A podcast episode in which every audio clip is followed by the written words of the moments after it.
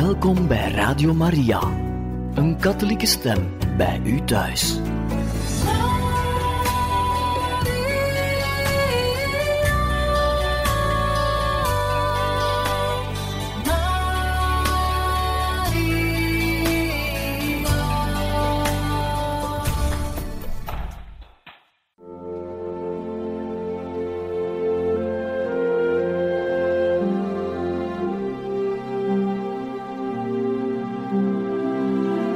Beste luisteraars van Radio Maria, welkom bij het programma Catechismus.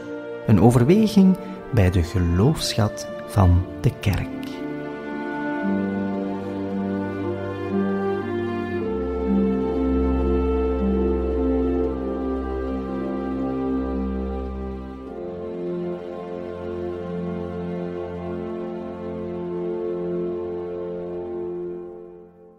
Hartelijk welkom, beste luisteraars, in het programma Catechismus, waarin u ook vandaag kan verder luisteren naar de catechese-reeks gebracht door priester Michel Esparza over liefde en zelfrespect.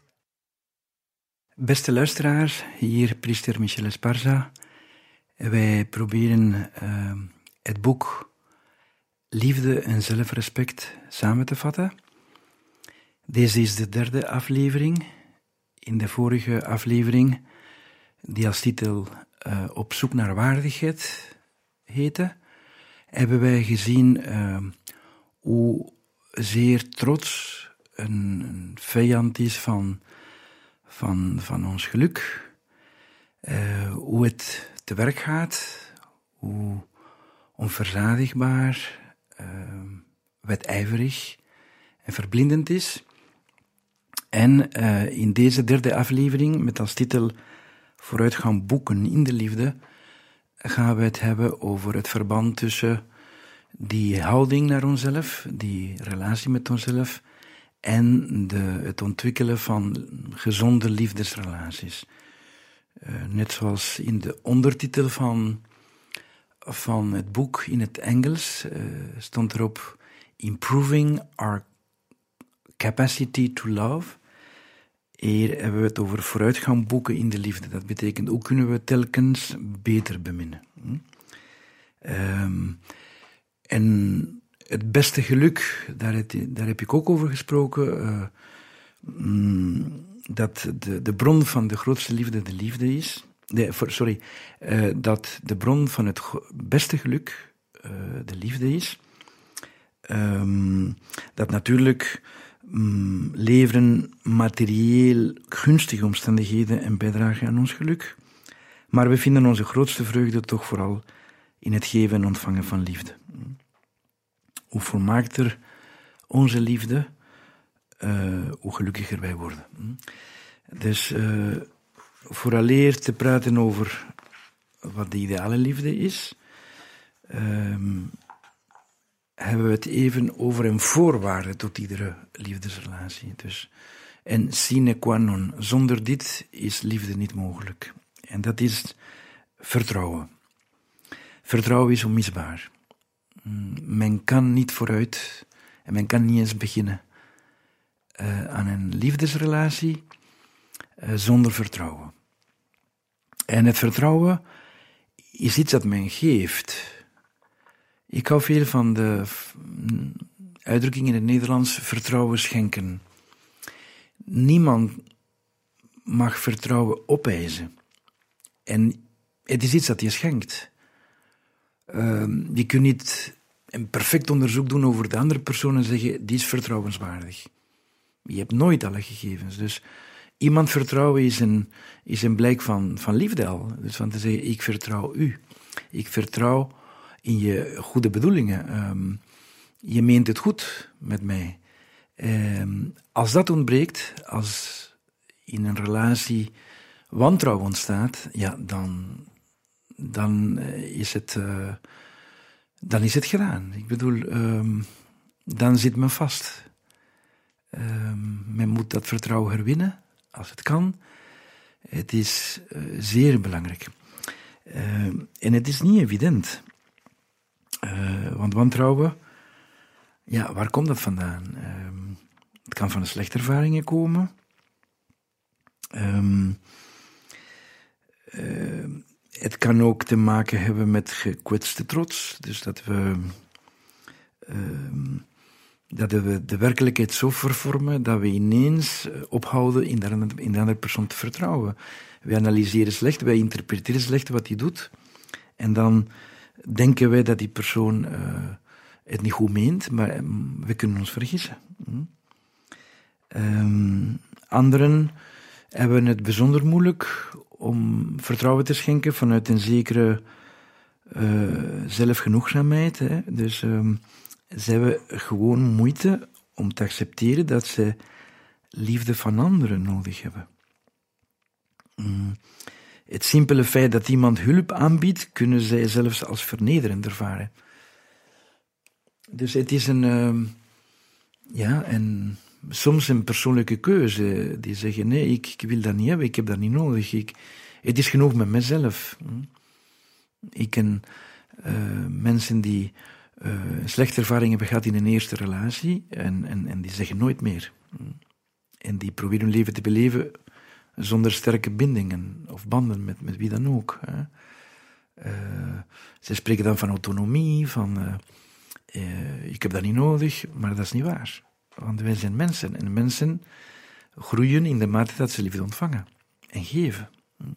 Als ik het over een liefdesrelatie heb, heb ik, heb ik het eerst en vooral over de liefde tussen man en vrouw, en, voor altijd in het huwelijk en zo. Maar het is van toepassing op, op, alle soort andere liefdes. Hè? Onze relatie met God, met de andere vriendschap enzovoort. Hè?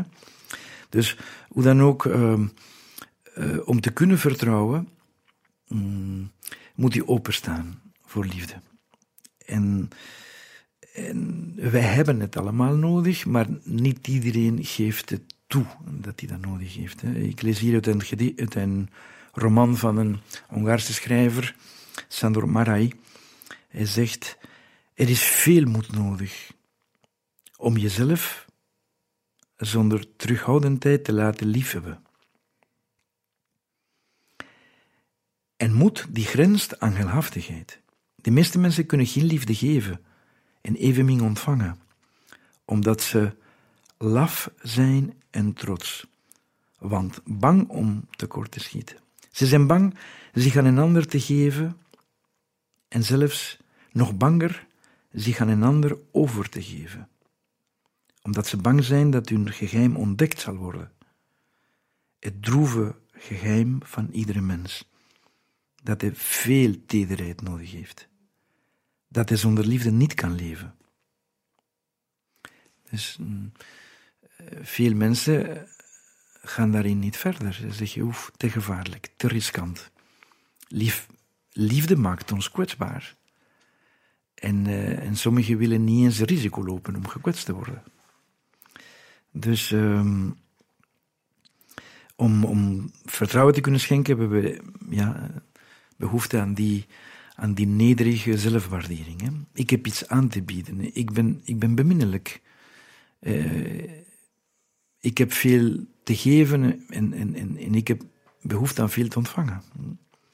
Goed, dus dat is een, een voorwaarde. Uh, om, uh, om aan welke liefdesrelatie ook te beginnen.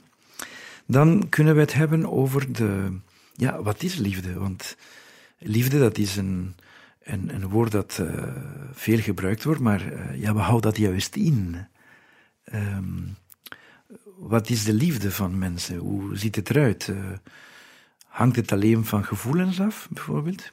Tegenwoordig is er een grote neiging om te denken dat dat liefde alleen uh, aantrekking is, lichamelijk of affectief. Um, maar uh, ja, dat duurt niet lang. Dus van meet af aan zeggen ze, ja, liefde uh, moeten op voorhand weten dat dat, ja, dat houdt niet lang vol. dit is... Ik herinner me eens een, een huwelijk ingezegend te hebben van een nicht van mij. En een van haar vriendinnen vroeg mij om op het einde van de viering een, een, een, paar woorden te zeggen. En dat was hier sympathiek, dat was vol genegenheid voor, voor haar vriendin, mijn nicht. Um, maar Uh, ik, heb, ik heb haar gezegd daarna, weet je, met één zin heb je alles als het ware kapot gemaakt wat ik gezegd heb in de, in de preek. Ja, ah, wat heb ik gezegd? Uh, je hebt gezegd, och, wat is liefde schoon zolang het duurt?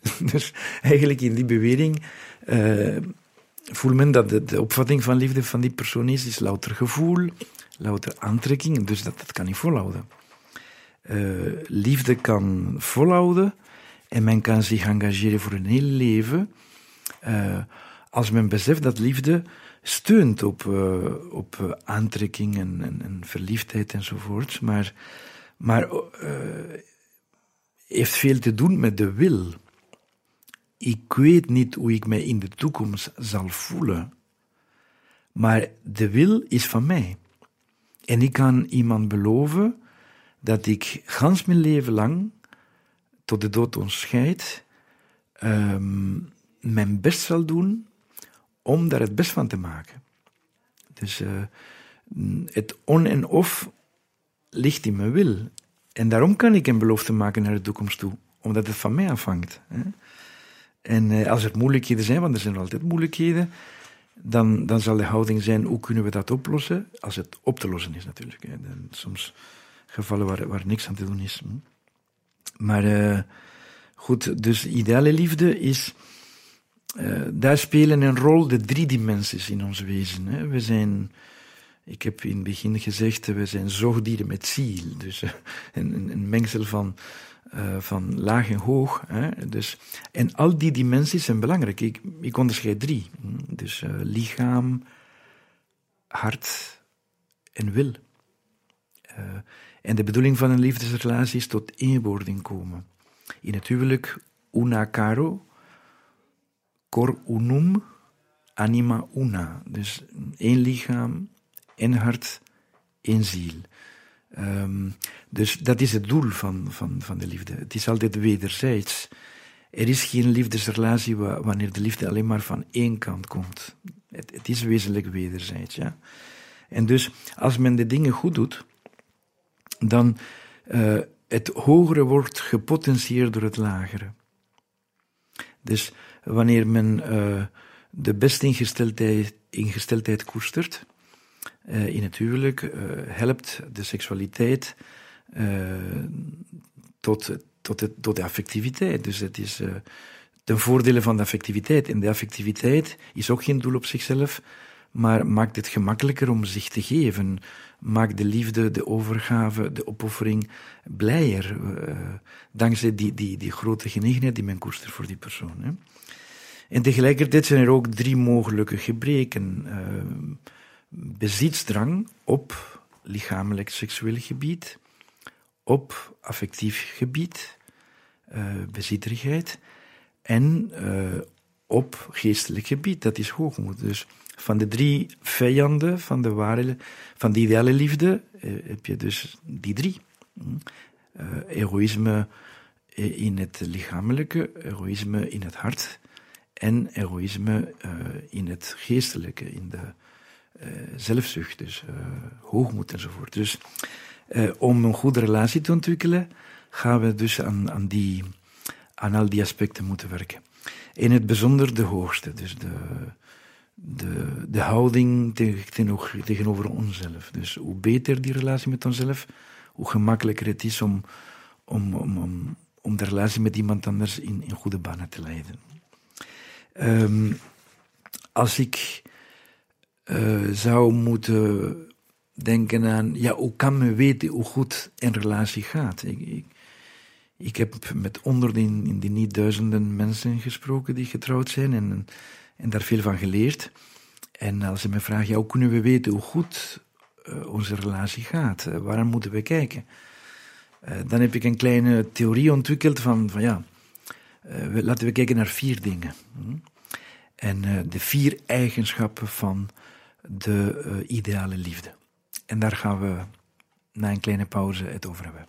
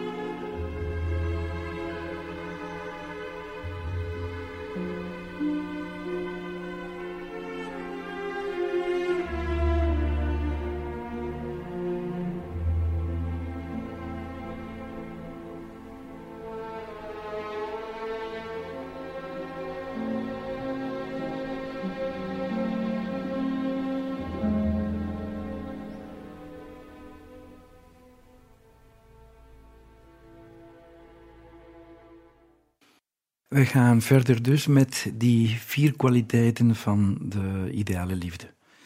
De ideale liefde is tegelijk waar en vrij. Um, men, spreekt van, men spreekt vaak van de ware liefde. Het is niet alleen maar de ware liefde, maar de ware en vrije liefde. Uh, en tegelijkertijd is er iets uiterlijks zichtbaars en iets innerlijks. Dus je hebt vier aspecten. Twee hebben met de waarheid te maken en twee met de vrijheid. De twee aspecten die met de waarheid te maken hebben, is het uiterlijke, namelijk de, de uh, offergezindheid. Dus uh, hoe ver zijn wij bereid te gaan in het opofferen van onszelf ter wille van het geluk van de ander? Er is ook in de waarheid een innerlijk aspect. Welke zijn onze bedoelingen? Um, wat beweegt ons werkelijk wanneer we ons overgeven? Wat zoeken we? Wat verwachten we van, van die relatie? Ons geluk of het geluk van de beminde persoon? Uh, dat is dus de twee eigenschappen die met waarheid te maken hebben. En dan zijn er twee eigenschappen die met de vrijheid te maken hebben. De uiterlijke is, uh, hoezeer laat ik de geliefde persoon vrij? Hoezeer respecteer ik die, uh, zijn of haar vrijheid? Hm? Um, respecteren wij de vrijheid van de ander of zetten we de dingen naar, ons, naar onze hand en leggen de ander onze wil op? En de vierde eigenschap heeft met vrij te maken van binnen. Hm? Innerlijke vrijheid. Geven wij onszelf in vrijheid over of voelen wij een innerlijke dwang?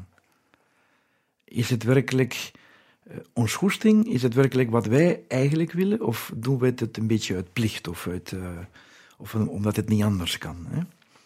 Uh, dus men kan gemakkelijk weten hoe een relatie gaat door te zien naar die twee dingen die uiterlijk zichtbaar zijn. Namelijk, wat heeft hij voor mij over?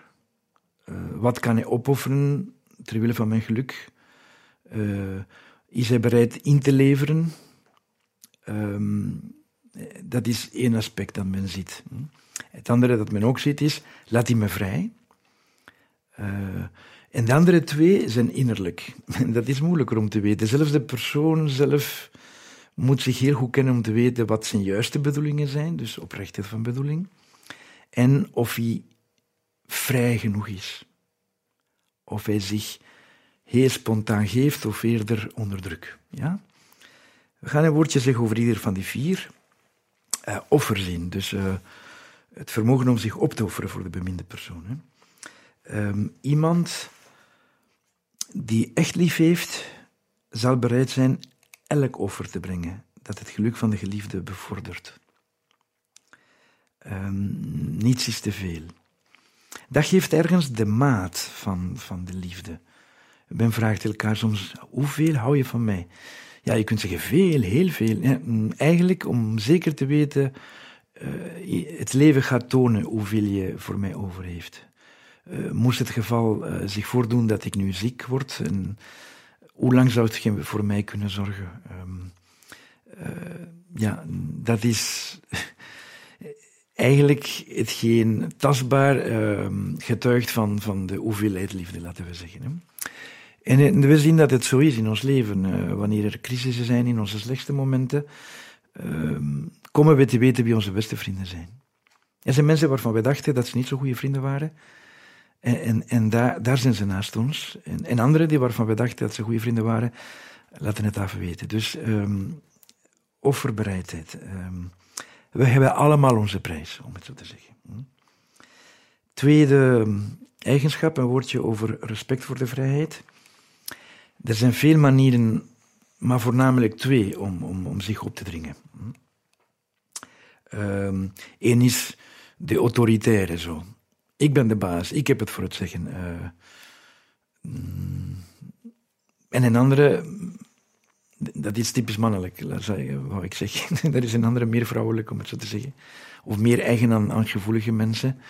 Uh, die te maken heeft met een uh, emotionele chantage. Uh, Um, gevoelsmatige druk of bezitsdrang is kenmerkend voor veel eisende, jaloerse mensen. Hè. Ik, me, las in een roman onlangs uh, twee vriendinnen. Uh, een, een zei tegen de andere: uh, Je houdt zoveel van mij dat ik. Dat ik ehm, ja, ja, je, je, overrompelt mij, je, je overweldigt mij. in Spaans zegt men me agobia, in het Frans el magasse. Dus je overweldigt mij.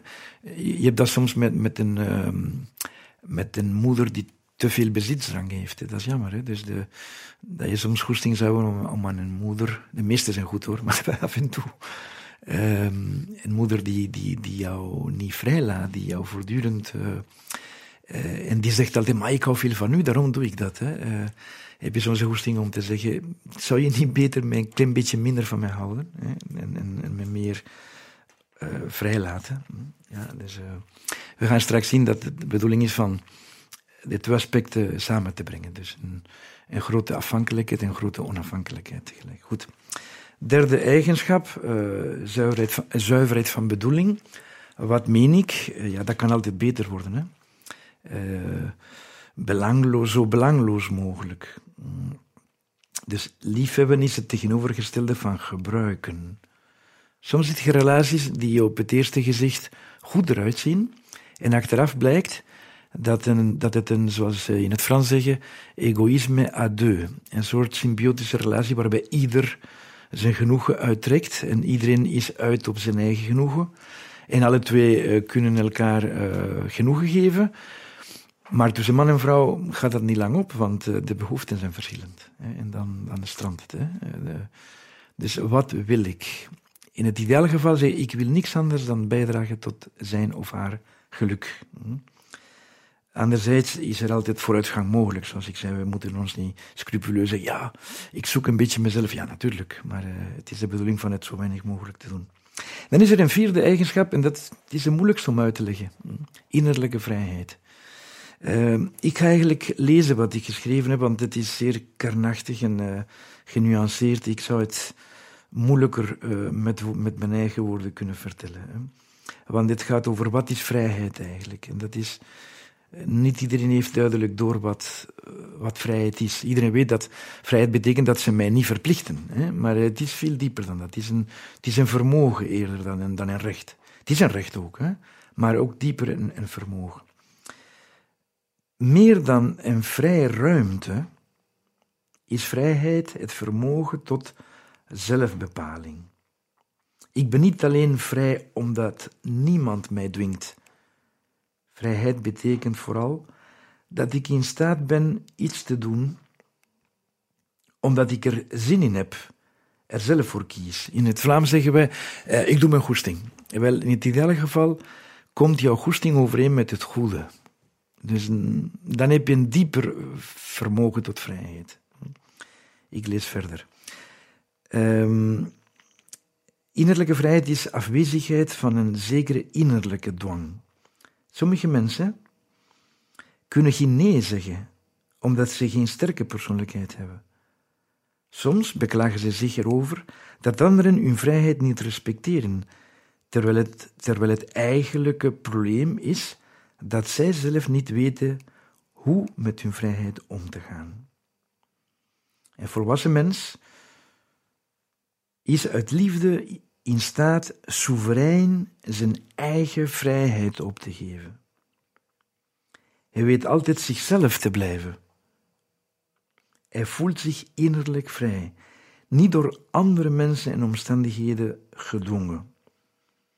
Het gaat er niet zozeer om te doen waar je zin in hebt, maar eerder zin te hebben in het goede te doen.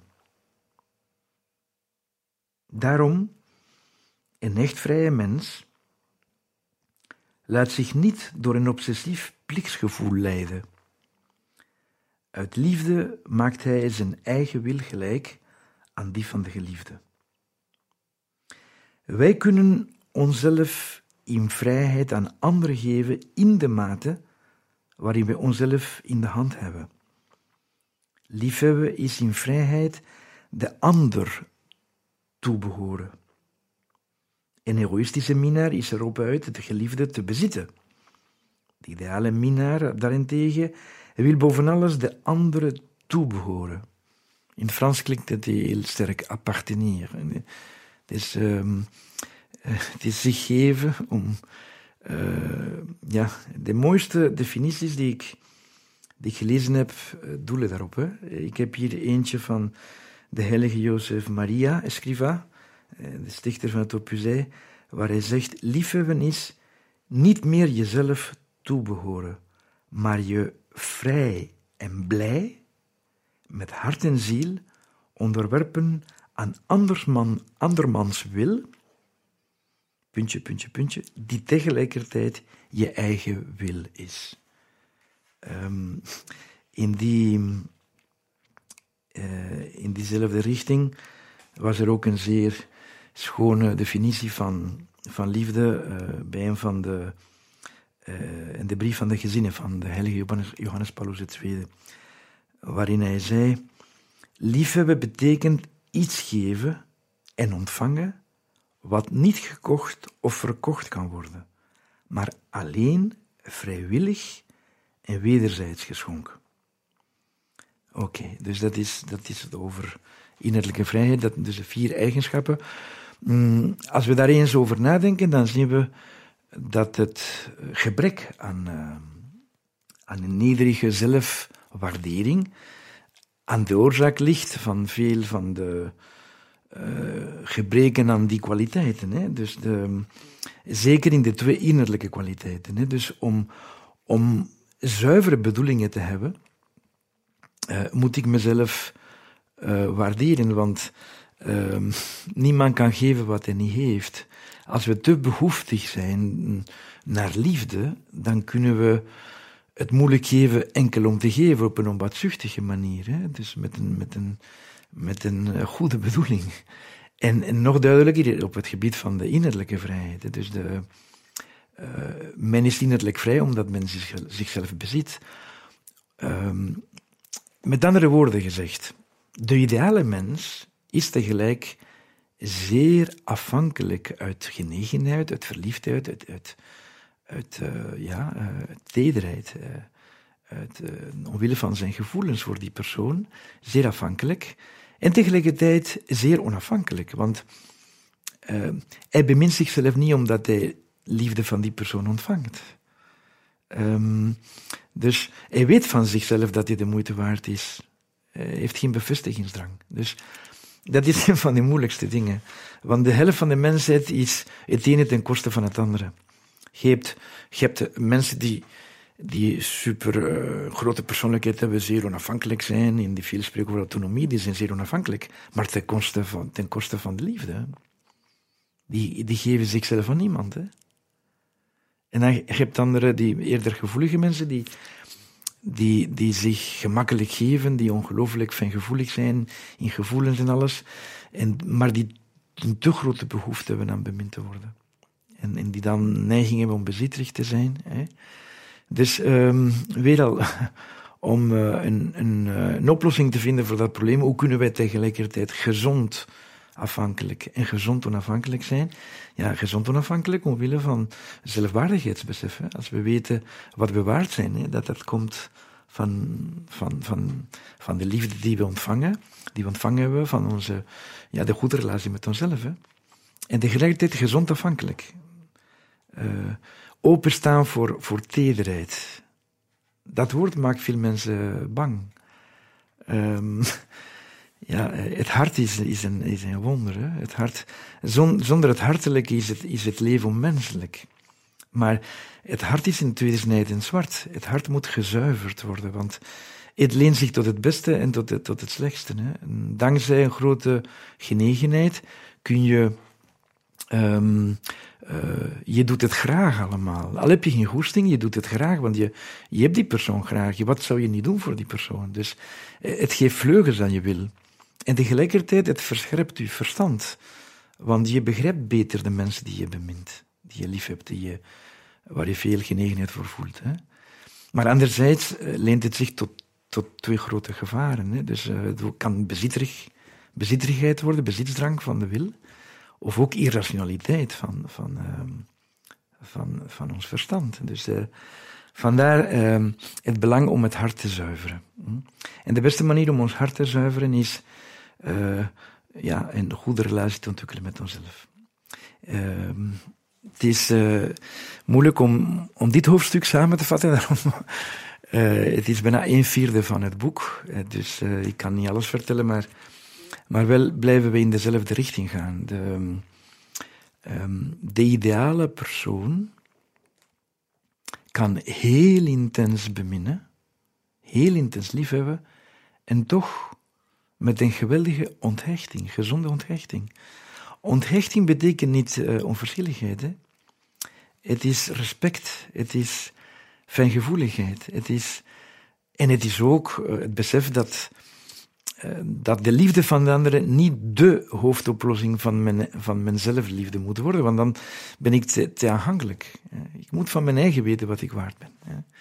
Dus de ideale mensen die getrouwd zijn, zouden tegen elkaar kunnen zeggen: Ik zou tot het einde van de wereld gaan om u gelukkig te maken. En tegelijkertijd bemin ik mij niet omdat u mij bemint. Ik wil u gelukkig maken. Dan pas kun je voornamelijk uit zijn op het geluk van de anderen. Dat, dat kan alleen maar voortkomen van een zeer goede relatie met zichzelf. En zoals we gaan zien, is dat niet evident. Het is een, een lange traject. En, uh, en zoals we zullen zien in het tweede deel uh, van deze afleveringen, heeft veel te maken met de liefde van, van God te beleven, een wederzijdse relatie te hebben met Hem. En dankzij Zijn liefde kunnen we ons beminnen en vol van liefde kunnen we naar anderen toe gaan op zo'n fijn, fijngevoelige manier. Heel intens van mensen houden en toch zo onthecht. Het woord onthechting is in het boek hier, stel ik vast, slecht vertaald door onbaatzuchtigheid. Nee, het is niet onbaatzuchtigheid. Onbaatzuchtigheid heeft te maken met bedoelingen, met oprechtheid van bedoeling. Onthechting is, ja, wat ik daar juist heb gezegd, het is die innerlijke vrijheid uh, van iemand die, die, die uh, zijn waardigheid kent die zichzelf gezond weet te waarderen. We laten het daarbij. Eh, tot volgende keer, beste luisteraars.